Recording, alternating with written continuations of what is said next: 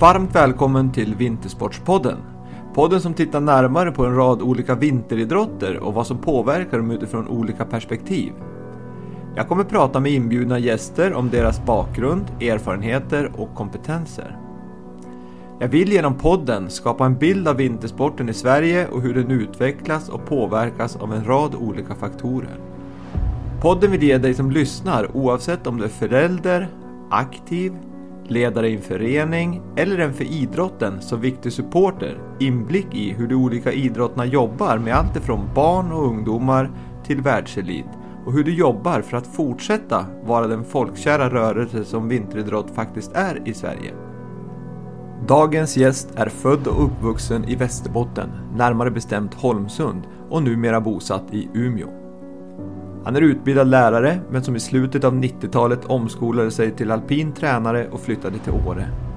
Han jobbade för Svenska skidförbundet under cirka 12 år och största delen tillsammans med vår superstjärna Anja Persson.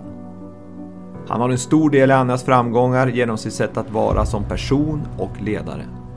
Efter tränarkarriären ägnade han sig åt att föreläsa inom ämnet ledarskap och kommunikation samt agera som alpin expertkommentator åt SVT och Viasat där OS i Sochi 2014 var ett stort projekt.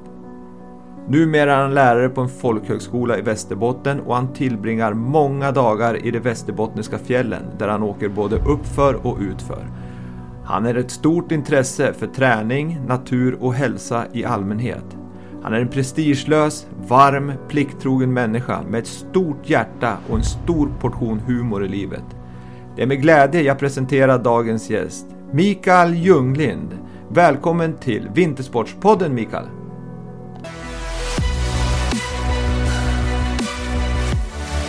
Ja, Micke Ljunglind. Kul att ha dig här i Vintersportspodden. Första avsnittet som, som eh, vi ska starta här och vi har många härliga gäster framöver och Micke Ljunglind får äran, eller jag får äran att ha dig som den första gästen. Så vi börjar direkt med att gå in på Micke Ljunglinds bakgrund. Vem är Micke Ljunglind? Du, eh, tack så hemskt mycket Wille. Det känns ju ärofullt att få, få den stora förmånen att vara första gästen. Det känns eh, jättekul och roligt att du har dragit igång det här. Det känns eh, som att du har lyckats eh, knyta ihop en spännande samling gäster hoppas jag. Absolut. Men vem, men vem är jag då? Jo men jag har nyss fyllt 50. Älskar att åka skidor fortfarande. Nu kanske mest eh, för egen del, eller för egen hand så. Eh, och älskar att vara i fjällen också. Eh, jag åkte själv alpint, alltså tävlingsåkte till jag var typ 16-17 någonting sånt där. Men jag var väldigt mycket mer glad än bra så. Jag var aldrig någon riktigt stor begåvning men tyckte det var jäkligt roligt och den känslan och den glädjen har jag liksom burit med mig ända till nu. Jag är fortfarande det absolut roligaste jag vet. Det är klart att tanken fanns, eftersom man aldrig liksom var aktuell för, för några vidare satsningar så, där, så fanns väl alltid drömmen liksom om att kunna jobba med det på något sätt. Så. Mm. Men eh, det var väl mer bara någonting man funderar på och eh, jag utbildade mig till lärare, flyttade till Åre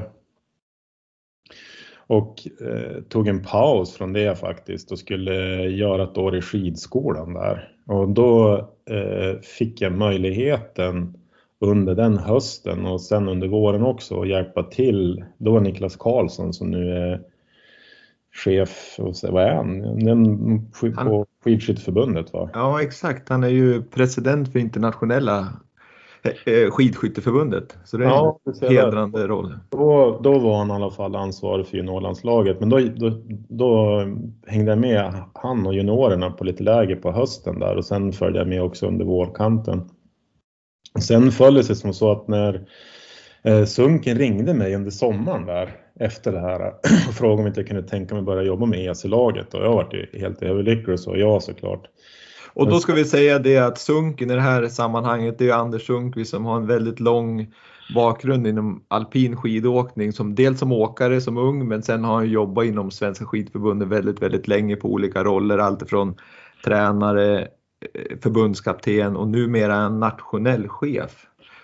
Ehm, och även en, en definitionssak när du säger EC i det här fallet så betyder det Europacup Det. Eh, det. är också bra för alla lyssnare att veta de här som, som eh, de som är inne i idrotten tar för givet. Eh, så ursäkta Micke, fortsätt. Ja, nej men i alla fall så ringde han där och jag vart ju jätteglad och tackade ja såklart. Men sen vart det liksom så här att sa han verkligen att jag skulle få jobba med det här nu? Så då började jag liksom fundera så att dagen efter var jag ändå tvungen att ringa och fråga han om han verkligen hade frågat mig om jag ville jobba. Så han skrattade lite gott åt det, men så var det. Men sen blev det typ 12 år totalt sett tror jag. Jag har för mig att det var hösten 2000 som blev mitt första år då. Och sen mm. höll jag på till Anja slutade 2012. Mm. Men, men eh, Micke, om man går tillbaka till din aktiva karriär här. Du slutade när du var 15-16 år sa du ungefär. Och mm. du kände väl kanske aldrig att du skulle bli nästa Ingmar Stenmark. Men, men hur, hur tycker du, liksom, om du ser tillbaks på det, så tycker ju, hur, hur, känner du liksom att, att kunna ändå hålla på till du är 16 år för att du, om jag får säga bara tycker det är kul? Ja men eh, på den tiden eh, så var det ju, nu bor jag och lever i Umeå och Västerbotten var ett ganska rejält distrikt och vi var kanske 40-50 åkare som åkte så det var som och så höll man sig liksom så här, jag kanske var mellan 8 och 15 på tävlingarna typ. Så man närde ju någonstans hoppet också. Jag tyckte att man blev bättre hela tiden. Men, men, eh, men eh, det var det som var som det föll sig som på något sätt naturligt tycker jag för att jag kom aldrig in på de få skidgymnasium som fanns då. Jag sökte inte heller men jag tänkte att det liksom det var för de som var riktigt, riktigt duktiga. Så att för mig var det liksom så här, ja men då, för, då lägger, jag, lägger jag ner det där. Men jag är ju glad att jag kunde hålla på så länge då. Det var liksom ingen knas eller det var bara det, det vart liksom när man skulle gå över från eh, upp till gymnasiedelen där, då kände jag liksom att då kommer inte jag kunna kom, tävla på samma sätt längre liksom och försöka göra, vara nära på det sättet. Nej, det, det är en, det, är ganska naturligt. Ja. Mm. Ja, men det är en utmaning det där med, med att behålla fler åkare och det är inte bara liksom inom vinteridrotter eller alpint utan det är ju sporten i sin helhet har ju utmaningar med att, att få flera aktiva att fortsätta upp i åldrarna. Ja, jag tror att det är viktigt för systemet. Alltså just det att man har många människor kvar som fortsätter med sin sport hemma. Som, om man tittar på alpint där man rankas ut efter de här FIS-punkterna eh, som styrs då att ju bättre rankade åkarna är på tävlingen desto lägre blir ju påslaget som man pratar om då på tävlingarna. Mm. Eh, vilket gör att det också blir lättare om du har lägre punkter eller du kan skaffa dig låga punkter på hemmaplan så blir det liksom bättre och lättare att komma ut och tävla ute i Mellaneuropa också. Du får mm. bättre startposition och så. Eh, tappar man för många idrottare, alltså nyckeln till mycket är nog att man får ha kvar så många som möjligt så länge som möjligt. Tappar mm. man många så blir ju påslaget extremt högt och då blir det ju ytterligare en svår sits, ytterligare en svårare sits då och, mm. och ta sig in i nästa nivå om det nu är till Mellaneuropa och de tävlingarna som finns där som man vill till. Mm. Och då ska vi säga det att det här påslaget som Micke pratar om här är ett, eh, ett internationella skidförbundet har ett, ett rankingsystem som bygger på så kallade FIS-punkter och, och det här påslaget blir lägre ju fler bra rankade åkare som är med. Då, så att är det hela världseliten med så, så blir påslaget väldigt, väldigt lågt. Och är det åkare som inte har så bra ranking så blir det naturligtvis högt. Och då är det egentligen det Micke säger här är ju att ju fler som kan, ju fler duktiga åkare som kan vara på hemmaplan och, och bidra till svenska utvecklingen, desto större förutsättningar har vi för alla åkare som kommer uppåt också. Ja, ja det, är, det, är ett ganska, det är ett ganska invecklat system men det är också ganska bra. Och rättvist oftast. Ja, ja verkligen. Mm. Men du Micke, det är en intressant resa där från att vara, tänkte säga från Holmsund, utbildade till lärare. Du flyttade till Åre för att eh, jobba lite inom skidskolan och så sen blev du, tänkte säga, headhuntad av dåvarande juniorlandslagstränare Niklas Karlsson för att hjälpa honom under hösten och så sen fick du frågan då från dåvarande förbundskapten Anders Sundqvist att bli en del av Europacuplandslaget.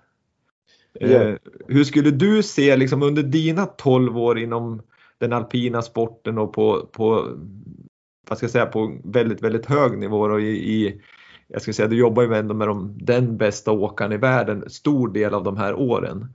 Hur, hur, hur tycker du sporten utvecklades under dina år som tränare? Ja, alltså det är en bra fråga. Eh, jag minns när jag kom ut och man började resa runt lite grann så, här, så hade ju Sverige ett extremt bra damlandslag då. Alltså även eh, vi hade Pernilla som åkte fart, hon var väl liksom i slutfasen av sin karriär då. Men sen hade vi både Anna Blixt idag och Ylva Norén som var toppåkare både i slalom och storslalom. Och eh, tillsammans med Anja så gjorde ju det att det blev ett otroligt starkt landslag. Eh, och det gjorde väl också liksom att eftersom resultaten kom så var det många som blev intresserade. När intresse- intresset växer hemma så är det fler som börjar. Och det tycker jag liksom att man nog kunde skörda eh, frukterna av ganska länge. För vi hade ju en god återväxt under många, många år av de här åren som man var ute. Det var liksom att det stod aldrig slut. När, när en åkare bestämde sig för att lägga ner sin karriär så stod det flera på kö. Vi hade ju Eh, men förutom Anjas och Ylva och Anna så kom ju Jessica Lindell Vikaby efter som har gjort fantastiska resultat. Du har Therese Borssén som har vunnit världscup. Maria Pietelholm framför allt har ju hållit på väldigt länge och varit i absoluta eliten. Så det har ju liksom hela tiden runnit på på det sättet. Det som eh, nu, nu åkte ju Anja alla fyra grenar och det jag kan tycka det är väl att det vart, det vart nästan en omöjlighet till slut. Jag kan tycka att det är liksom, åker alla fyra grenar då är det också eh, någonstans det är väl kanske det som tanken är från början på något sätt, tycker jag i alla fall. Mm. Vi får se dem duktiga oftare och kan du åka slalom och leverera goda resultat och också göra det i störtlopp så är det liksom en jäkla bedrift. Mm.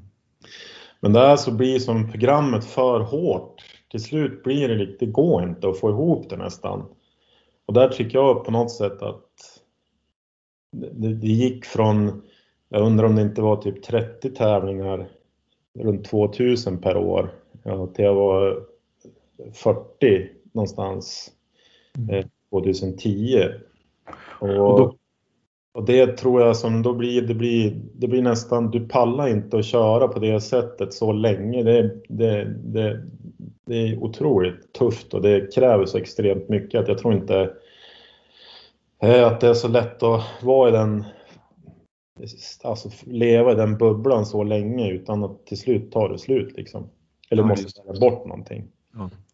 Men om du tänker så här då, det är en jättebra eh, reflektion du gör där med, med att vi hade duktiga åkare i form av Ylva, Anna, Anja och så fylldes det på med, med som du sa, Therese Borssén, Maria Petele Holmner, Jessica Lindell Vikarby och även liksom i yngre åldrar också. Ja, ja. Eh, och det, det, det är ju viktigt att, att vi har goda förebilder för det, det vet vi ju liksom skapar intresse. Men hade ni då, liksom, när ni jobbar med de här duktiga damerna, hade ni någon liksom speciell plan eller strategi på att ta, ta in de här yngre som var på väg upp, att man liksom tog hand om dem på något sätt eller att ni matchar dem på något sätt? Ja, men, det, ja, men jag, jag, jag, jag, det tycker jag Niklas och Anders var duktiga på att plocka upp de yngre som eh, hade möjlighet att göra sig själv rättvisa på den nivån. Jag tror inte Jessica var så gammal när hon åkte i Sölden första gången. Om inte jag minns helt fel så var hon ju typ nästan hon nio eller hon gjorde ett jätte, jättebra resultat. Eh, Maria PH fick också åka tidigt så. Men, eh, men eh, sen liksom hur de tas hand om och sådana saker också. Det är alltid saker man kan bli bättre på för att jag tänker att prestationen är beroende av så många mer faktorer. Nu tog man dit dem och så kanske man inte eh, hjälpte dem på absolut bästa sätt alla gånger. Det tror jag inte utan de hamnar ju liksom så här, ja, ja lite grann. Eh, Att det löser sig. Det, det tror jag vi hade kunnat göra bättre och det är någonting som man måste ta med sig liksom, när man ska försöka. Det handlar om att skapa förutsättningar. Och det måste... någon, någon form av trygghet kanske att ja. om man tar med sig en 16-17-åring och släpper ut dem i, i, i en världscupstävling så är det klart att krävs ju lite vad ska jag säga, omtanke men framförallt att, man, att, man, att de känner sig trygg med den situationen.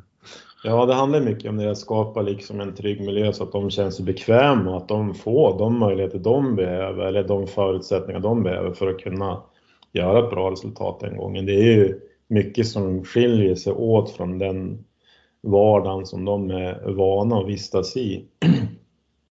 Men eh, det tror jag som att man har jobbat med och blivit bättre på i perioder. Sen är ju det här alltid lite, det går väl upp och ner precis som i mycket annat men eh, ja, det, det, tänkte jag på under mina år i alla fall att det är någonting som jag nog kan vara lite bättre på. Ja, det är härligt att höra. Eh, jag tänker på, vi pratar om Anja där då framförallt eftersom större delen av din tränarkarriär så jobbar du ju väldigt, väldigt nära Anja och vi har ju liksom läst i tidningar och hört på intervjuer att du tillsammans med ja, Anders då, Anjas pappa, varit en stor del i hennes framgångar. Sen har det naturligtvis funnits många andra också i, i, i liksom runt om er med servicemän och förbund och, och så vidare. Men, men man kan ju ändå identifiera två framgångsfaktorer där du och Anders har varit stor del. Eh, men, men i och med att ni låg ute så mycket och ni körde liksom alla discipliner vilket är väldigt, väldigt påfrestande. Då, då blir jag lite intresserad av att höra hur la ni upp träningen då på, på, om man tittar på årsbasis? Ja, vi har ju sommar, höst, vinter, vår. Hur, hur såg det ut? Ja, men alltså, man, jag vet inte vart jag ska börja riktigt. E, e, en del var ju liksom att man Mm, de åren när, när det var som mest intensivt, när eh, det kunde vara något mästerskapsår till exempel, när man verkligen vill lyckas och man har ju inte så många fönster på sig egentligen när det, när det är din tur liksom, eller när du står i kön för att nu har de här åren på mig och kanske vinna ett OS-guld eller kanske vinna ett VM-guld. Det kryllar ju inte av sådana chanser. Men de åren när det var som mest intensivt, när Anja då var duktig i alla fyra grenar och hade chans att åka hem mästerskapsmedaljer, så försökte vi framförallt att det skulle inte gå så lång tid under sommardelen eh, från, utan skidor så att säga. Då. Utan att det skulle kosta någonting på fysträningen också. Men vi kunde ju de åren vara borta upp till 300 dagar på ett år. Oj. Det är ganska mycket. Oj, oj, oj. Så det är klart att man använder tiden då på ett så gott sätt som möjligt. Men det blir ju extremt inrutat under tävlingssäsongen. Då, kan man, då är det ju tävling på söndagen oftast. Då. Och sen åker man antingen på söndag kväll till nästa ställe eh, och finns det tid så kanske man vilar på måndagen då till exempel. Annars är det ju en träningsdag precis som vilken annan som helst. Då gäller det liksom upp, försöka skaka av dem inte har gått så bra på helgen och fokusera och göra någonting bra den dagen. Det kan ju vara enda gången på en månad om du har otur, som du verkligen kan träna slalom till exempel. Mm. Om det är block med någonting annat som gör att du inte kan komma åt den typen av träning. Sen är det ju ofta under fartveckorna så, så, så, finns det ju tid att träna. Då kan man ju träna lite teknik på eftermiddagarna och sådana saker efter de här genomåken är över. Mm. Så då kör ni ett genomåk inför kommande, eftersom man i störtloppsdisciplin har man ju möjlighet att testa banan två till tre gånger innan och, och då gör man det kanske på förmiddagen och så menar du att, man, att ni tränar lite slalom eller storslalom på eftermiddagen? Ja, precis. Ja. Då kunde det liksom vara så att någon tränare smet iväg och satte en bana så att när de aktiva var klara med sitt genom så stod den banan redan där då. Mm. Så att då behöver inte de vänta så himla länge. Det blir ingen ställtid utan de slängde i sig någon macka och sen åkte de upp och så körde de sina åk. Mm. Eh, men, men, jag vet inte.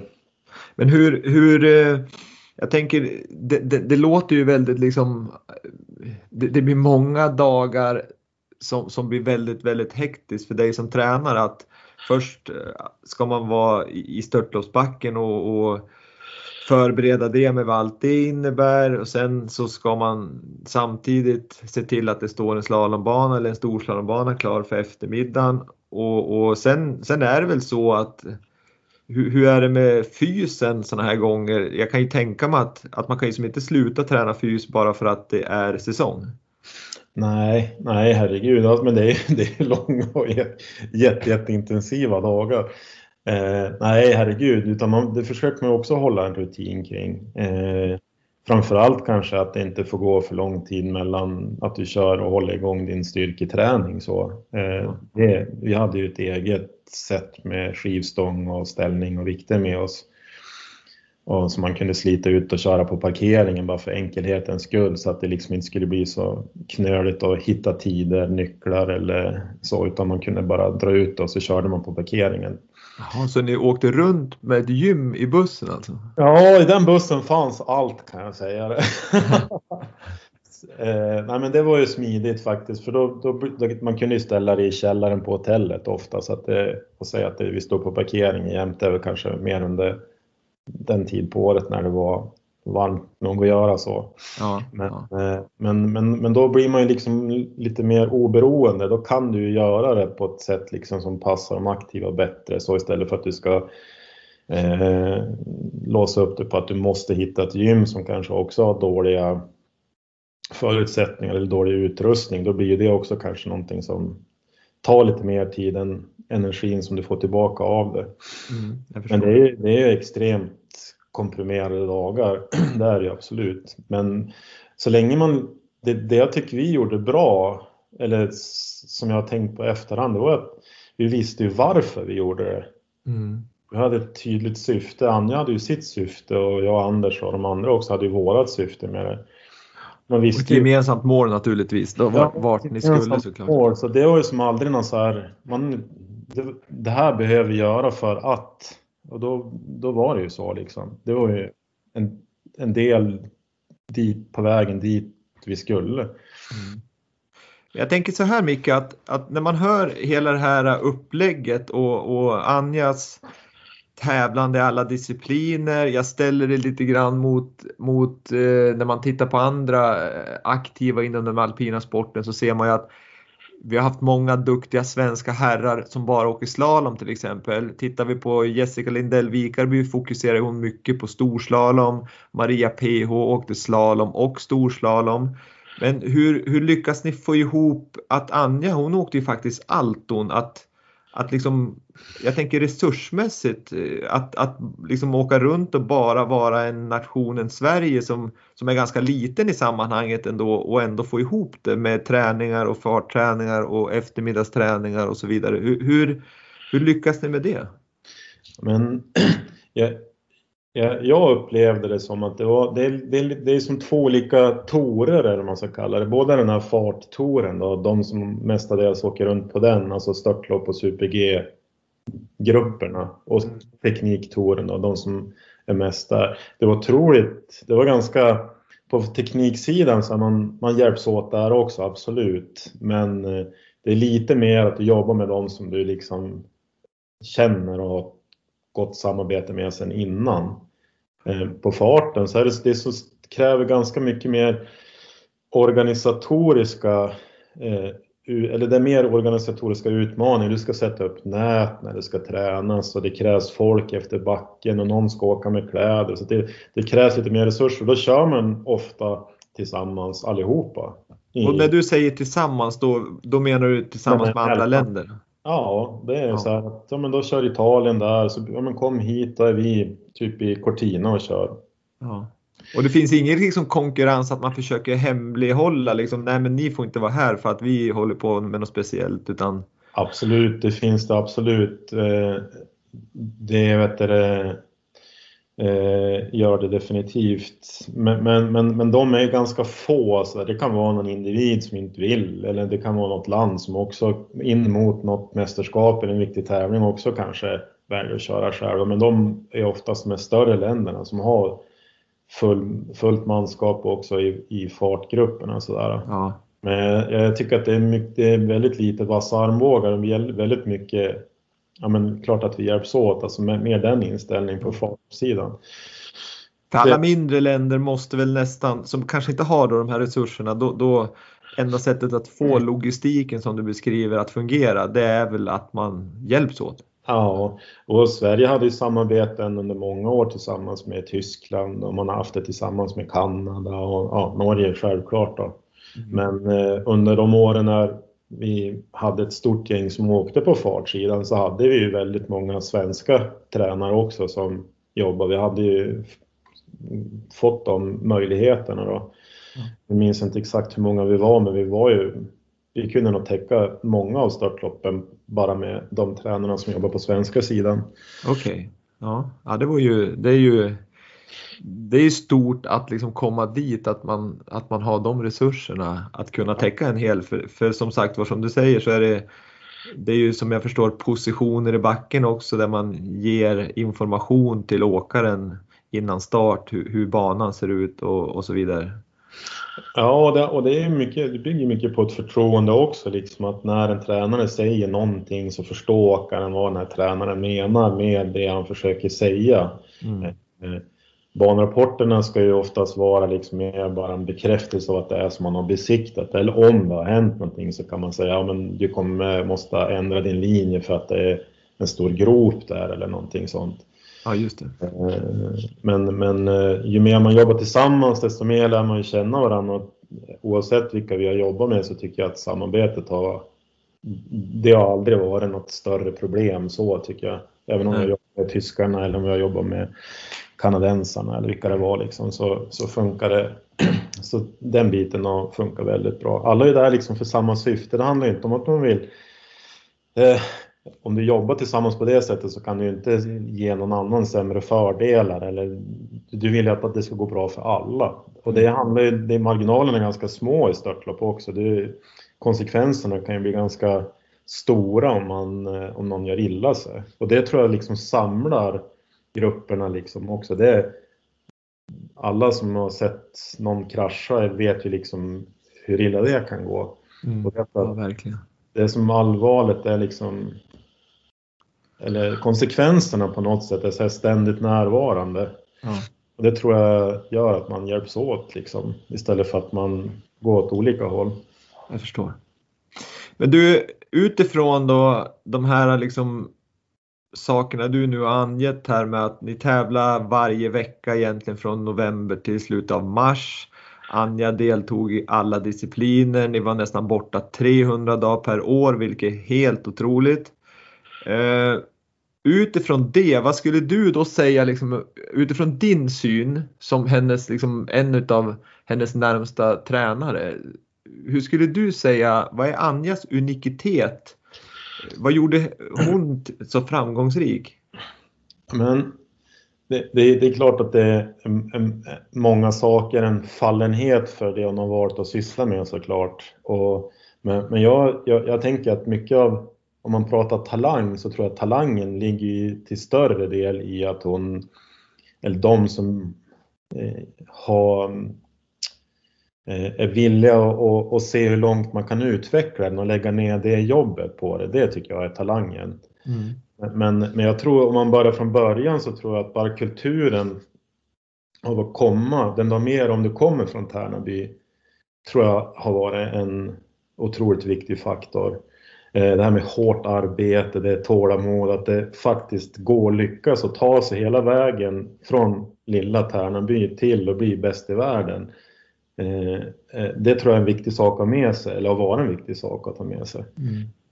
Jag tror det har också varit helt avgörande att hon har varit jättepassionerad inför det hon har gjort. Och någonting som jag ofta tänker tillbaka på det var att hon alltid tyckte det var kul att träna. Hon såg alltid fram emot det. Och känner, känner man den här glädjen inför det och har tydligt fokus med varför du gör det också så finns ju möjligheten att jobba med varje enskilt träningspass på ett annat sätt också. Ja.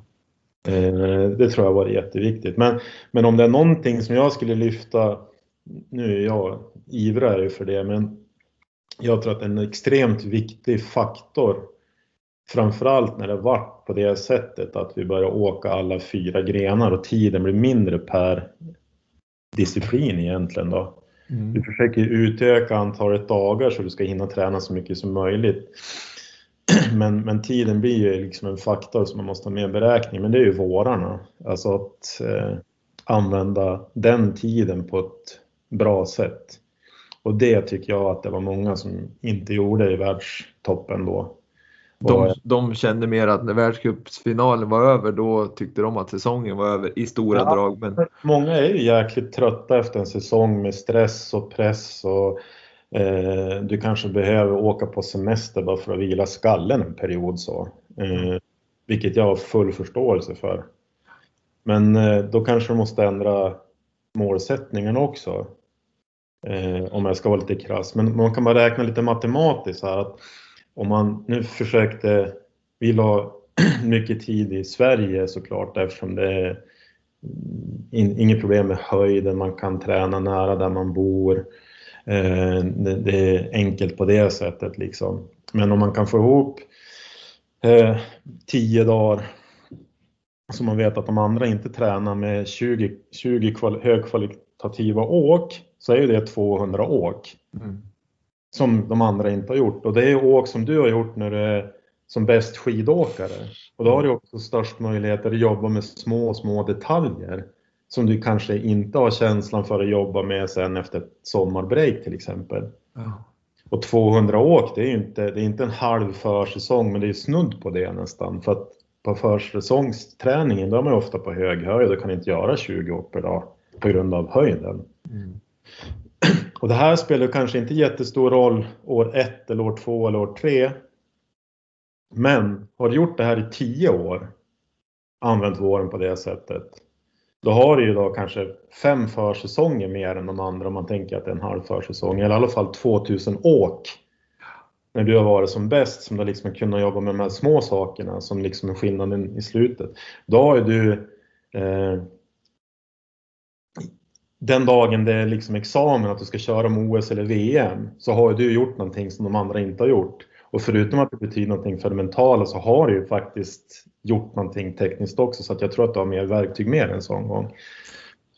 Och, Nej, men det låter ju jättebra för att jag, jag liksom kan ju tänka mig att, att en, en, höst, dels så vet vi att hösten medförs Normalt sett så är ju vädret mer instabilt på hösten. Våren har jag sett bilder från när du och Anja tränar uppe i, uppe i Tärnaby där på fjället. När ni har en egen skoter, ni åker upp och ner där och förhållandena är kanonfina med solen skiner och det är härligt, liksom det är ljust och fint. Och, eh, så att ur det perspektivet också så är det ju som att få ut de här 200 åken på våren är ju väldigt, väldigt mycket värt när, när hösten är mer eh, svårberäknelig. Ja, det är lite större lotteri på hösten sådär med vädret. Det kan komma jättemycket snö eller det kan vara för lite snö också. Men, eh, men har man med sig det, att du har använt våren på ett bra sätt och fått den här grunden att stå på så kan du liksom stå på den ganska länge och leva på den ganska länge att mata. Framförallt när det börjar bli som det var för henne då, liksom att det varit mycket fokus på fart när hösten kom igång sen. Ja. För att hinna åka tillräckligt många åk med det också. Så har du som en teknisk grund att stå på som, som ger en trygghet inför när tekniksäsongen drar igång sen. Vad skulle du säga, liksom, vad låg fokus på på vårarna? Då? Det var, var det att köra så fort som möjligt på tid eller nyttja den till något helt annat? Eh, hur tänkte ni där? Det var ju alltså bli bekväm med det obekväma. Eh, alltså testa vart gränserna går, eh, jobba med tekniska detaljer som du inte har fått till under säsongen eller som du känner att det här måste jag lära mig nu om jag ska kunna ta nästa steg. Mm. Sen var det ju också jätte, jättebra för att eh, ofta fick man ju upp material som man kunde jobba med och känna saker kring så man kunde ge feedback till fabrikanten så att man när man kom tillbaks efter de hade haft semester då, så hade de kunnat eh, utveckla det då, utifrån hennes önskemål. Mm. Och då sparar du också en jäkla massa tid istället för att du ska ta den diskussionen eftersom du då känner mer så vet du också mer liksom vad, hur det här ska vara i en tävlingssituation under våren. Du kanske inte, det tar en stund innan du liksom når den nivån efter ett sommarbreak och då, kan ju, då, då blir feedbacken på materialet också lite avgörande på det, så på det sättet. Mm. Ja, jag förstår det. Det, det, det är ju...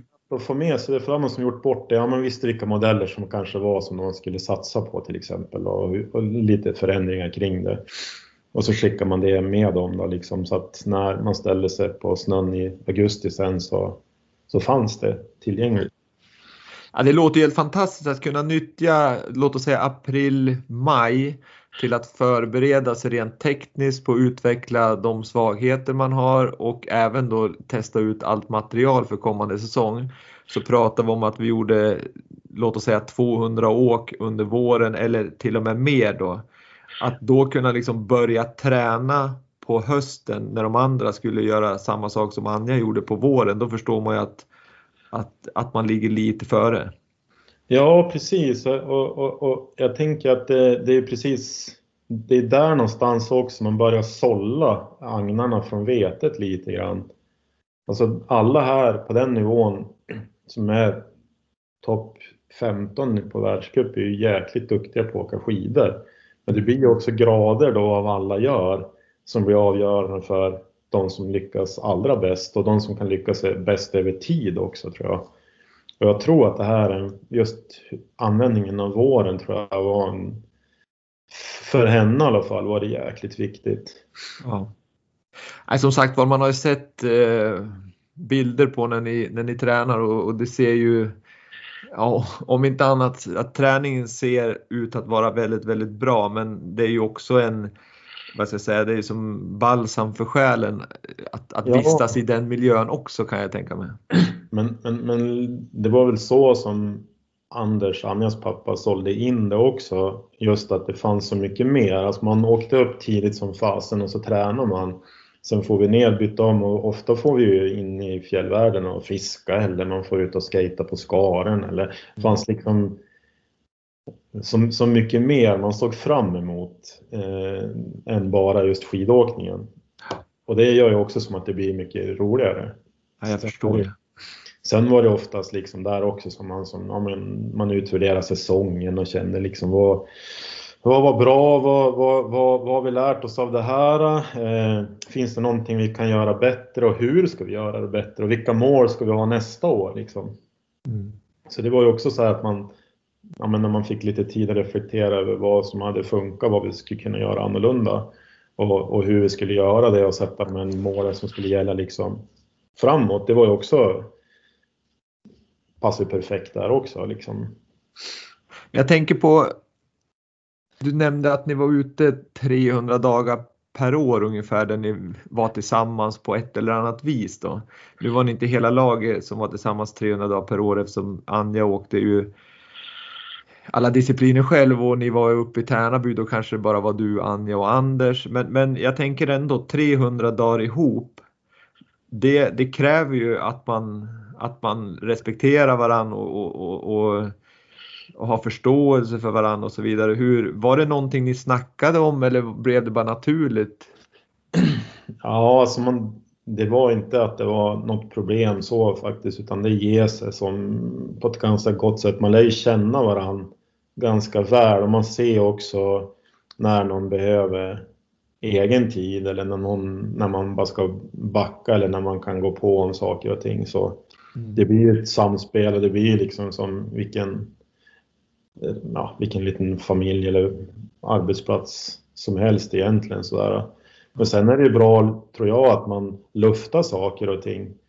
Eh, det, det, det, är en fördel med vårt mindre sällskap, är att det är lätt att sprida information och det är lätt liksom också att hålla koll på saker och ting tillsammans. Så att man, ja men nu känns det här så här för mig och kan vi göra någonting åt det? Eller att man, ja, vi, vi var duktiga på att prata med varandra mm. för att liksom den här ryggsäcken som inte ska bli för full med saker och ting. Och det är ju svårt när alla är trötta också att gå egentligen på knäna så ska det ju liksom bara fortsätta.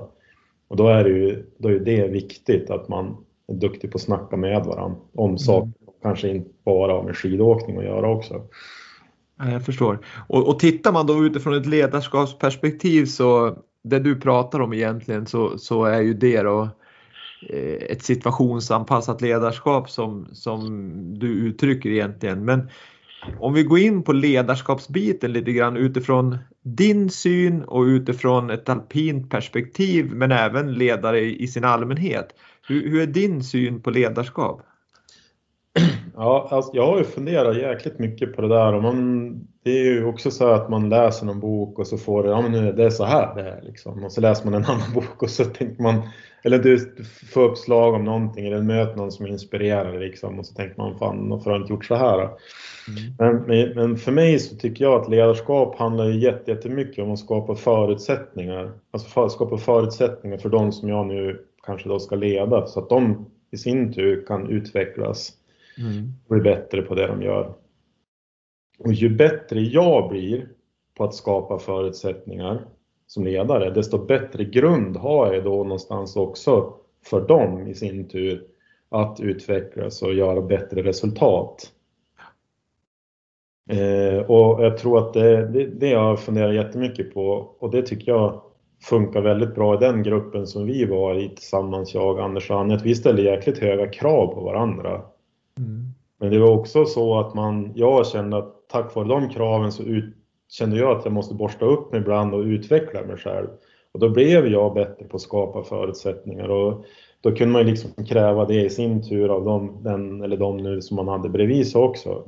Och det tycker jag var en stark faktor i det här ständiga jakten på utveckling eller drivet kring det. Men, men det tror jag är superviktigt just det att handla om att skapa förutsättningar. Nu jobbar jag på en skola, det, handlar ju, det är ju lika mycket det där, att jag vill ge förutsättningar för dem mm. att växa som människor. Det låter, det, det, det låter klokt. Ja, och, och jag tror att kommunikationen är också viktig, alltså hur man pratar med varandra. Det, det, man, man måste liksom försöka, det, det, är så lätt som ledare tycker jag att jag eh, utgår från det som är självklart för mig. Om jag ska förklara någonting för dig Ville så säger jag det på mitt sätt. Men ditt behov och dina förutsättningar kanske är helt annorlunda. Du, du kanske inte alls tänker på det sättet som jag förklarar för dig. Mm. Och då är det ju jäkligt lätt att jag tycker att du är dum i huvudet som inte fattar vad jag säger. Ja. Men, men man måste liksom ta ett steg åt sidan då och så måste jag försöka lära känna dig. Så, men hur tänker Ville nu då? Så hur kan jag förklara det här på ett sätt så att han blir ett utropstecken istället för ett frågetecken? Mm. Och det är ju en pedagogisk utmaning. Ja. Men jag, det kan jag tycka att vi som inom det alpina många gånger man, eh, det skulle vi kunna bli bättre på tror jag. Att man möter upp individen där deras behov och deras förutsättningar är i större utsträckning istället för att man trycker ihop alla kring någonting och så kanske inte de personerna trivs där. Mm. Eh, men det är, lättare att, det är lättare att leda ett sådant sammanhang när man har alla liksom i mittcirkeln kontra att alla är spridda över hela fotbollsplanen. Så. Mm. Nej, jag förstår, vad, jag förstår vad du är inne på. Just vad det gäller kommunikationen så, så är det ju en, en, stor utmaning oavsett idrott egentligen. Att, som du säger att man ska anpassa sig till individen så att den förstår att man går från frågetecken till utropstecken.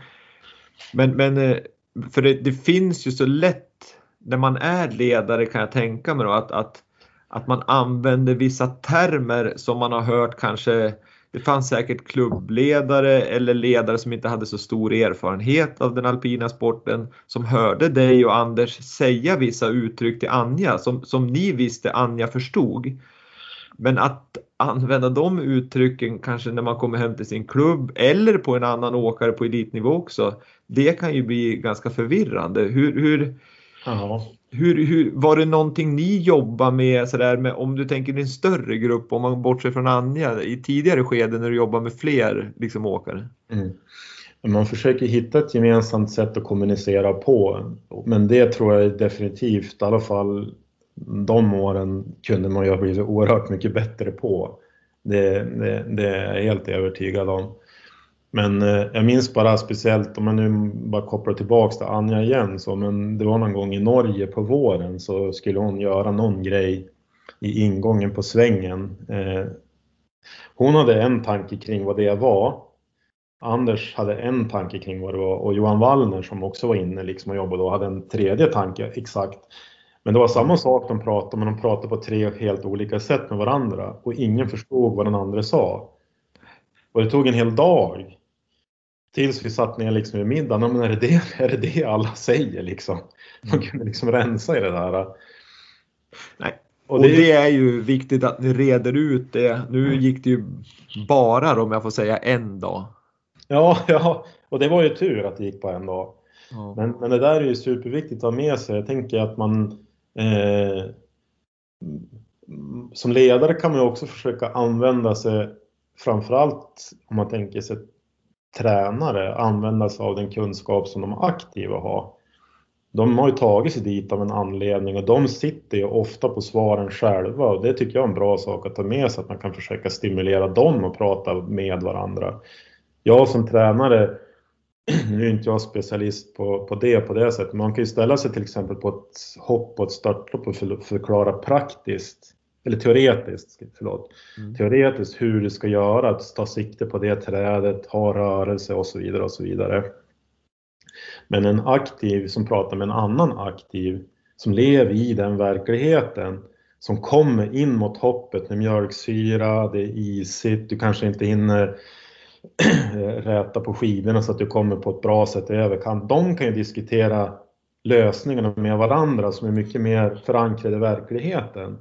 Och det tycker jag också är en viktig grej att komma ihåg att jag som ledare behöver inte komma ihåg alla lösningar eller kunna alla lösningar men jag kan försöka stimulera gruppen att använda sig av kunskapen som finns där också. Ett intressant, eh, intressant tänk där Micke för att tittar man utanför idrotten så, så brukar man ju alltid säga liksom att en, en bra ledare har ju ett bra team naturligtvis och, och ledaren är ju inte den som sitter på alla svar utan det du beskriver egentligen är ju samma sak inom idrotten som man har inom om man säger affärslivet att det är ju teamet som, som oftast har svaren och att du ger teamet som ledare förutsättningarna för att lyckas. Ja, jag tycker ju det och att då kan man ju som ledare vara med som ett, men, försöka vara ett stöd i diskussionen och för, föra den vidare. Mm. Eh, Men jag, nu ska jag inte dra alla över en kam, men jag kan tycka att många av mellaneuropeerna till exempel, både erfarenhet av de som har varit i Sverige men framförallt de som jobbar i respektive landslag, så de, där presenterar liksom tränaren en lösning och så ska alla foga sig efter den och jag, jag tror inte riktigt på det. De Nej, är det, ett väldigt, väldigt auktoritärt sätt att se på saker och ting. Och just det här som jag backar till att samma sätt att förklara en sak funkar ju inte för allihopa. Och då måste man liksom ta ett steg åt sidan och fundera på men hur, hur tänker du kring det här? Hur kan jag förklara det här på ett sätt så att du kan lägga mer tid på att öva, utföra och den energi som krävs för att lyckas med det. Istället för att du ska fortsätta åka runt som ett frågetecken. ja. Och, och där tycker jag i alla fall att det, när jag lyssnar på dig Micke så, så är det viktigt liksom för de som lyssnar om det så är ledare i, i en förening eller om det är yngre aktiva att man att man vågar ställa frågan när man inte förstår vad till exempel om man är yngre aktiv eller aktiv och så säger ledaren någonting att man vågar ställa frågan vad menar du egentligen? Ja, Ja, det är jätte, jätteviktigt. För att eh, tittar vi på de här 200 åken som du beskriver, Anja är jätteviktig på, på, på hösten så det får ju liksom, jag har ju hört skräckexempel där, där någon individ åkte i två år och sa ja när tränaren sa att den skulle göra någonting. Och efter två år, då frågade han, vad menar du egentligen? Ja, och de har kastat bort väldigt mycket tid. Mm. Men, men jag tror också en sån sak, för det kan man ju känna att det försöker jag tänka på nu också mycket. Om jag frågar någon som jag nu har framför mig, att, vad, tänk, vad kände du nu då? Eller hur, hur tänkte du? Att jag också ger personen tid att reflektera och komma med ett svar som de har tänkt fram då. Istället för att jag i nästa andetag ger dem svaret. Mm. För det, det tycker jag det är ofta så här, men hur tänkte du nu? Och så ser man liksom att det börjar snurra inne i huvudet och att de grubblar lite grann. Men då är man så ivrig och vill liksom komma fram, att jag ska få säga min lösning på det. Att man liksom ger den innan de liksom har fått det. Och då tror jag också, de, det måste någonstans vara förankrat i dem om de ska kunna jobba med det. Sen framförallt när du ska jobba med små, små detaljer som det handlar om inom skidåkning många gånger. Då så måste ju de veta vad det är de ska göra och ha verktygen att jobba med det. Mm. Ja, jätteintressant diskussion Micke. Det är härligt att höra dina erfarenheter och kunskaper inom området. Eh, om vi, om vi tittar lite vidare på ditt perspektiv och, och eh, lite liksom din erfarenhet av hur ni jobbade på, på tiden som du jobbar med skidförbundet och med Anja. Om man tittar nu, hur, hur, hur tycker du liksom, ser du några skillnader hur, hur, hur, man jobbade då och nu? Vad är det som är liksom den positiva utvecklingen och vad, vad har man liksom tagit vidare från det ni gjorde och förädla vidare? och även titta lite grann på, kan du utifrån ditt perspektiv se några skillnader mellan länderna, hur man jobbar i Sverige och i andra länder och, och liksom dina tankar kring, kring, kring de olikheter som finns mellan ländernas arbetssätt och framgångar då? Ja, nu är inte jag lika nära landslagsverksamheten längre så, här, så att det är svårt att veta exakt hur de tänker, vad de har för syfte och liksom de frågorna som de brottas med, det vet man ju inte. Nej. Eh, men, men, det jag, men det jag kan se som jag tänker på det är ju att det är ju de, de, de åkarna som idag gör bäst resultat.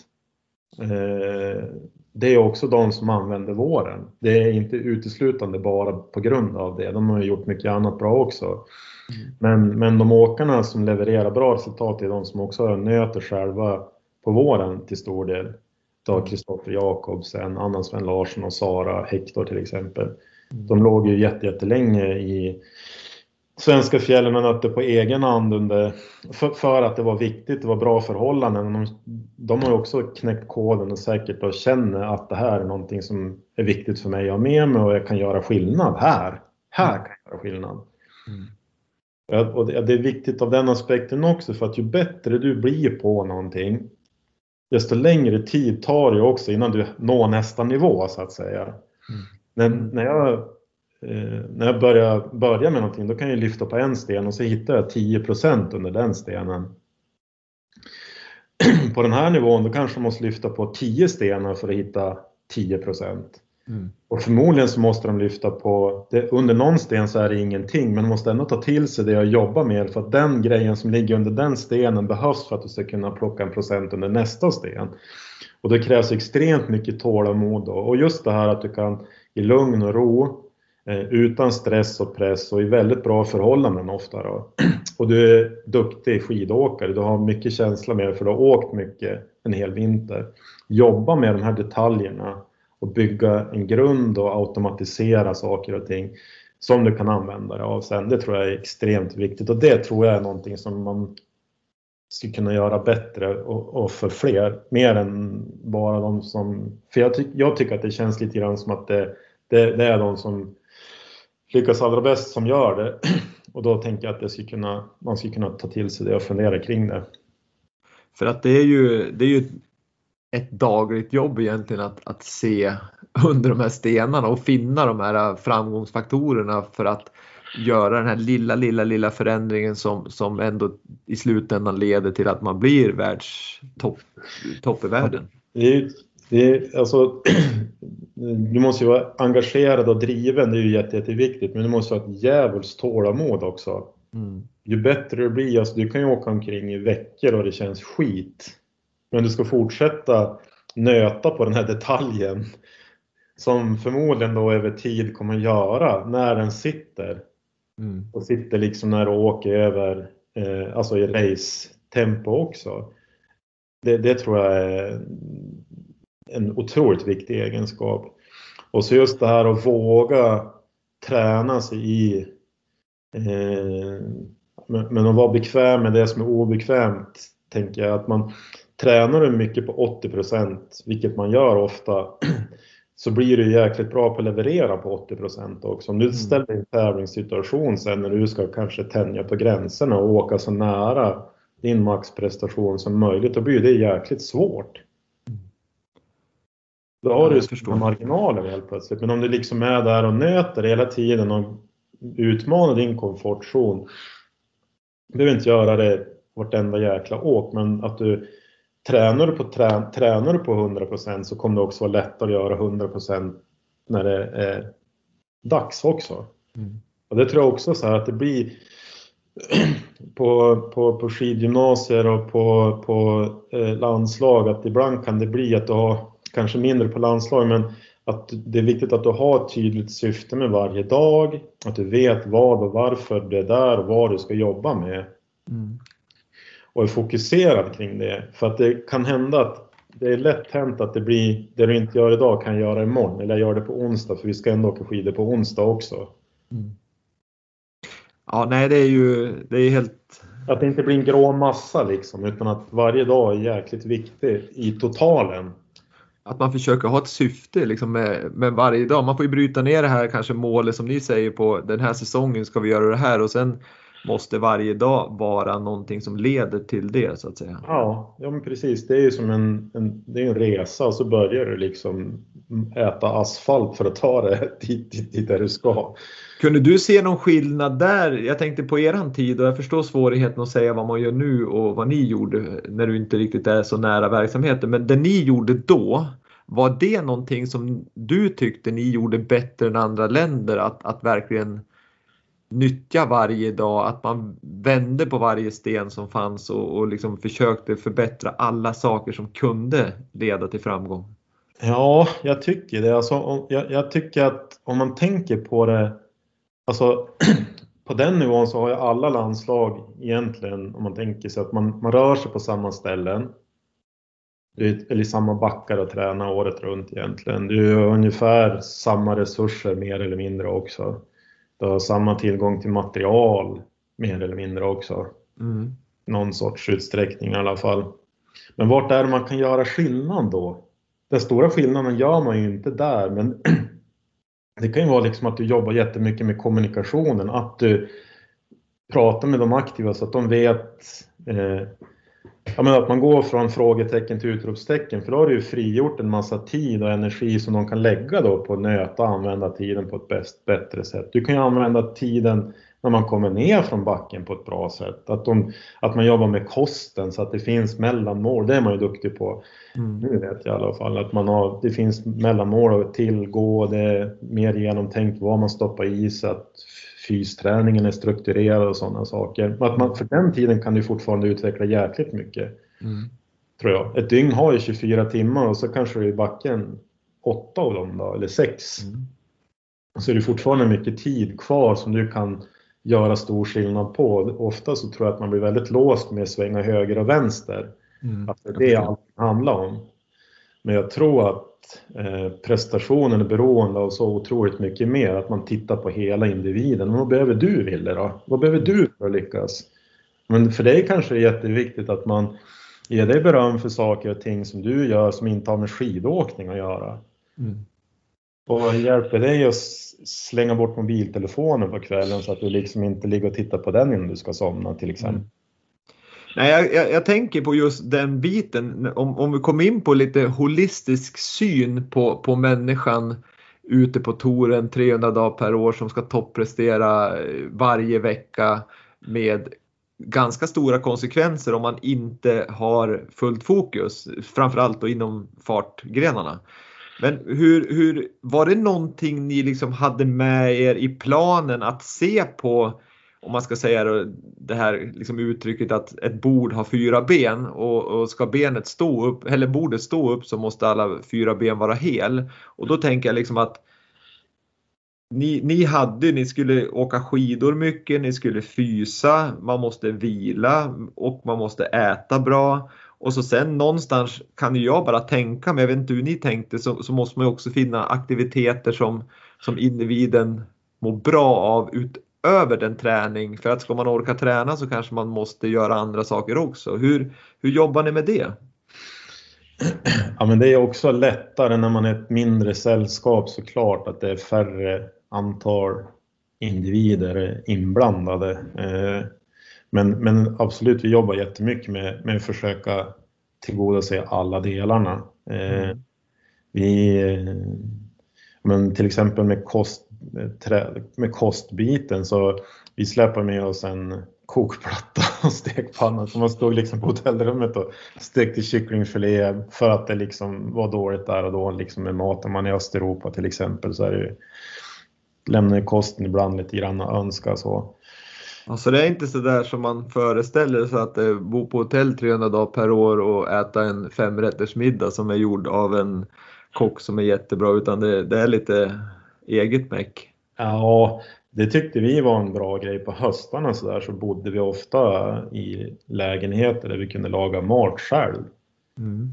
Eh, dels sparade vi en jävla massa pengar som vi kunde använda på att vara kvar längre tid, alltså mm. få fler fridagar. För det är ganska stor skillnad. Men eh, sen var det också, kunde vi styra kosten och det var ju mycket mer socialt att sätta ett vardagsrum hemma hos oss där liksom och äta.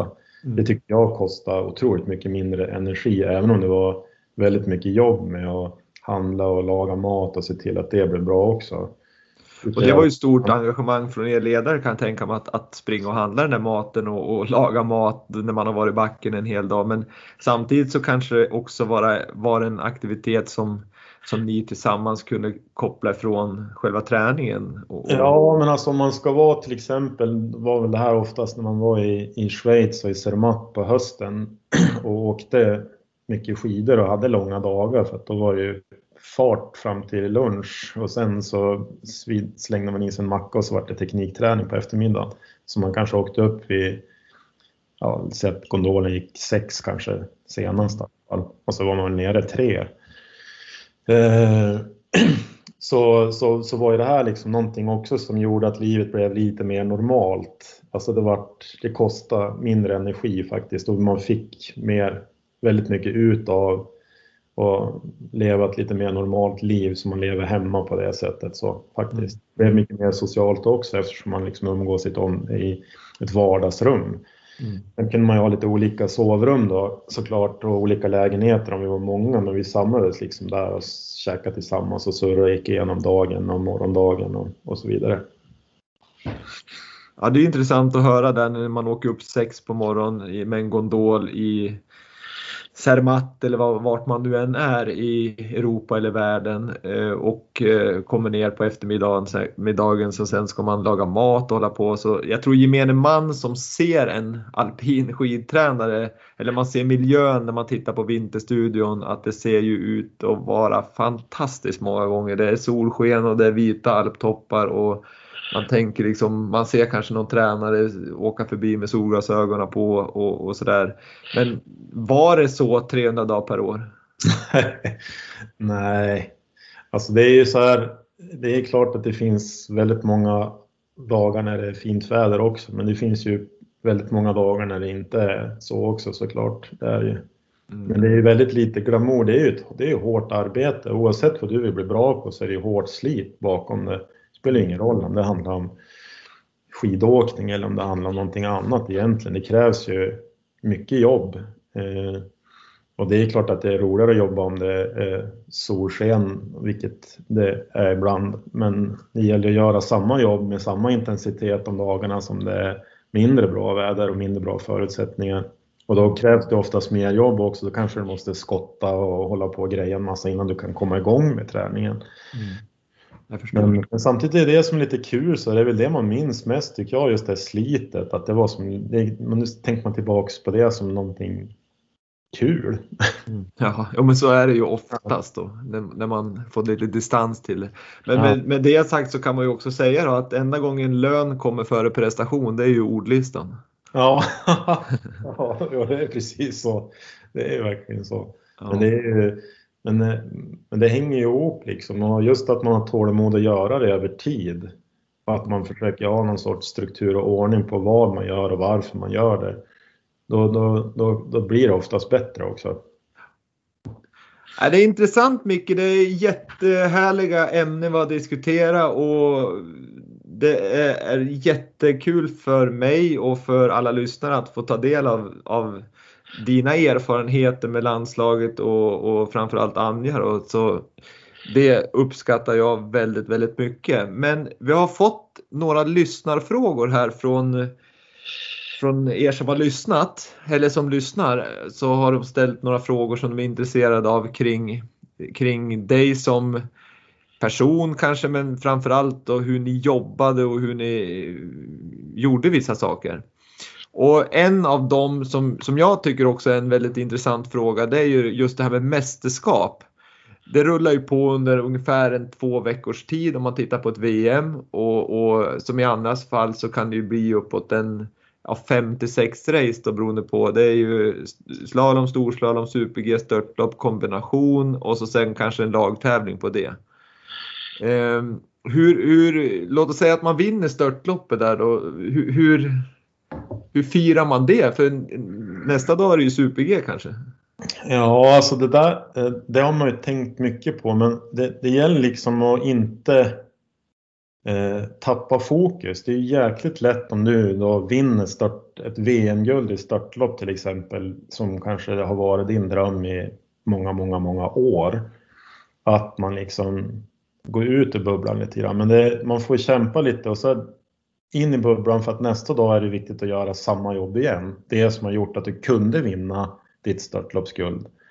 Eh, så att ofta så blev det inte så himla mycket firande utan det vart kanske att man skålade en glas champagne till middagen och, och grattade och sen var det liksom att lasta bussen eller vad det var för nästa dags uppgift, om det var träning eller tävling, så gäller det liksom att vara närvarande då också för att då är man ju som igång, då vet man nu har vi någonting på spåren här, nu är formen god och det brukar kunna rinna på också om man har fått en bra start på ett mästerskap till exempel. Mm. Eh, så att firandet vart väldigt spars, sparsamt. Så det var typ 10 minuters firande egentligen? Ja, men alltså, man är ju glad mycket, mycket längre så, men just själva firandebiten, det blir ju inte så att man slår klackarna i taket i någon större utsträckning sådär. Men, men en sak som jag tänker också på liksom när du pratar mästerskap, så, som jag tar till mig lite grann, som jag tycker Anders var, Anjas pappa då, var jäkligt bra på, det var att man åker till ett mästerskap med en god känsla. Om du till exempel ska någonstans och så vet att det är jävligt brant, ursäkta att jag svär, men att det är brant och väldigt isigt. Mm. Så är det lätt hänt och liksom att då vill man träna på det för att man ska känna sig trygg med det. Mm.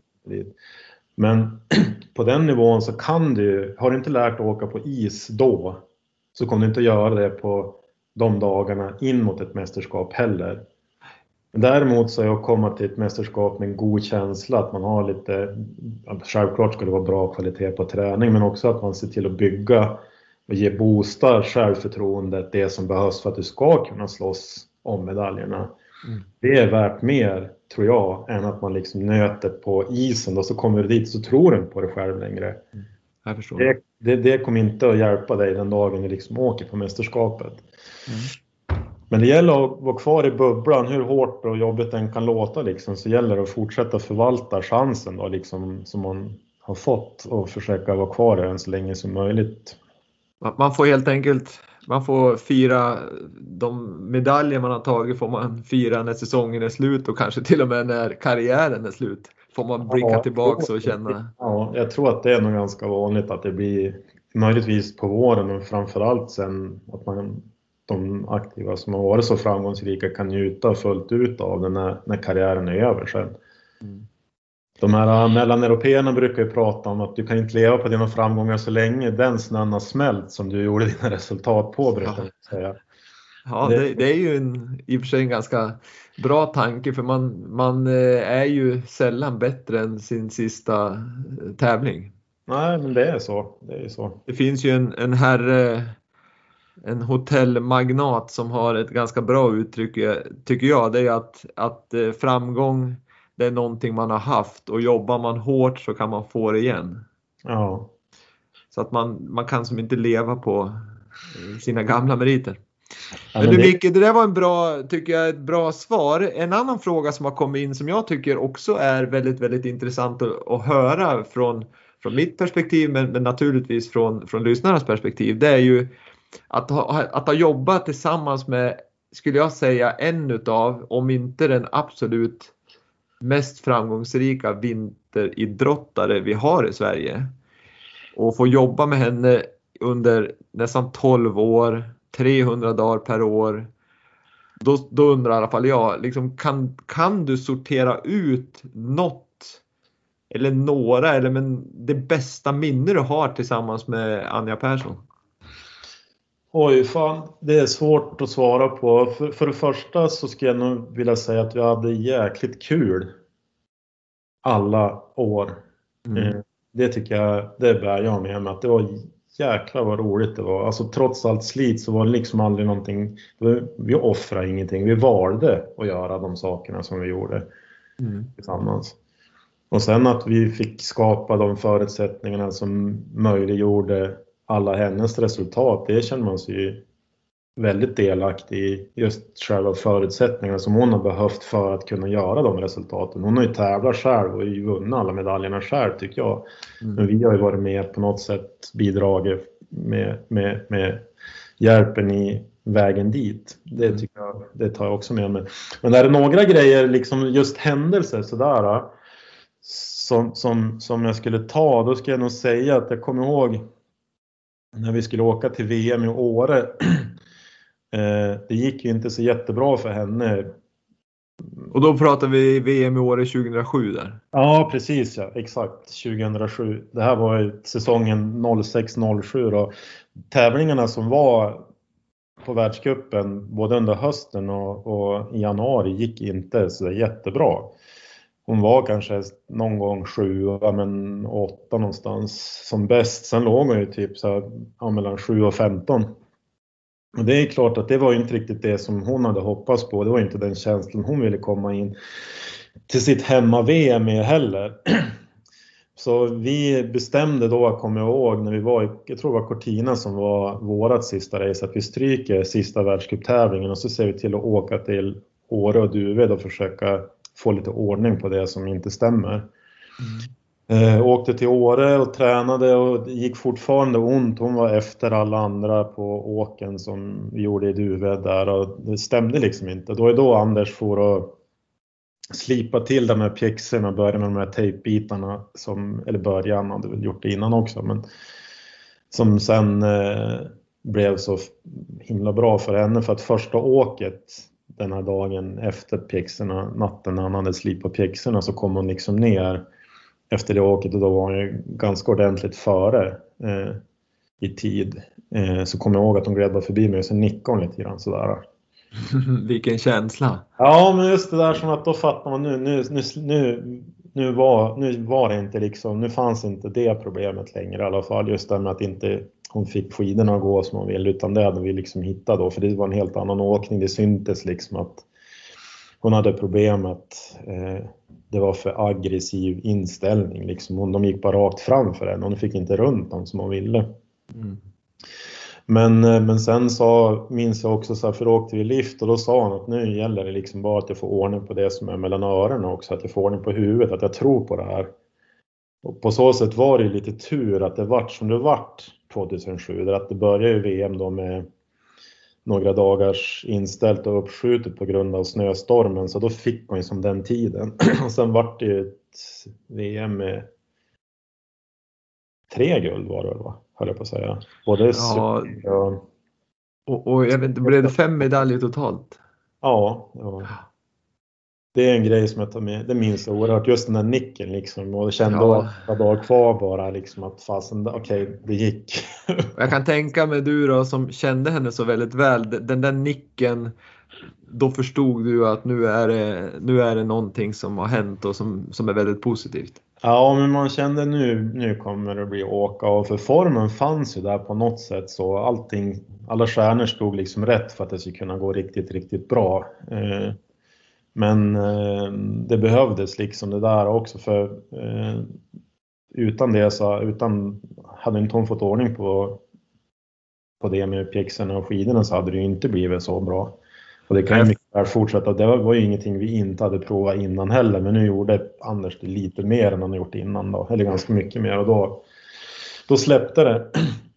Så, Ja, Jag har förstått att hennes pappa Anders, som också är en otroligt duktig tränare, han var ju eh, väldigt intresserad av material och, och just som du sa tidigare, hitta de här små sakerna, vända på varje sten för för att hitta någonting som kunde leda till någonting bättre.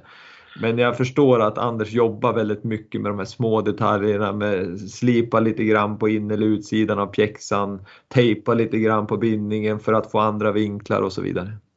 Ja, han var ju gas aldrig liksom, utan han undersökte, undersökte, undersökte och hade nya liksom uppslag hela tiden. Där var ju han jätte, jätte, jäkligt viktig för henne när det gäller mycket, men även när det gäller den biten. Mm. Men ett, ett, annat ögonblick, om man ska ta till, det var någon gång i Tjeckien, i Spindlerud, så är tjejerna ofta och tävlar. Mm. Så det var den här när hon och Janica Kostelic hade mycket dueller med varandra så låg eh, Kostelic tvåa efter första och åkte ett åk liksom som tänkte det går inte att åka snabbare än så här. Hon kom ner och tog ledningen med nästan en sekund tror jag. Oj. Det var den som ledde då. Och så skulle Anja köra, jag tänker det här kommer ju inte att bli en seger. Men på något sätt så åkte hon liksom och slog Kostelic. Just den duellen minns jag för jag tänkte att det här går inte.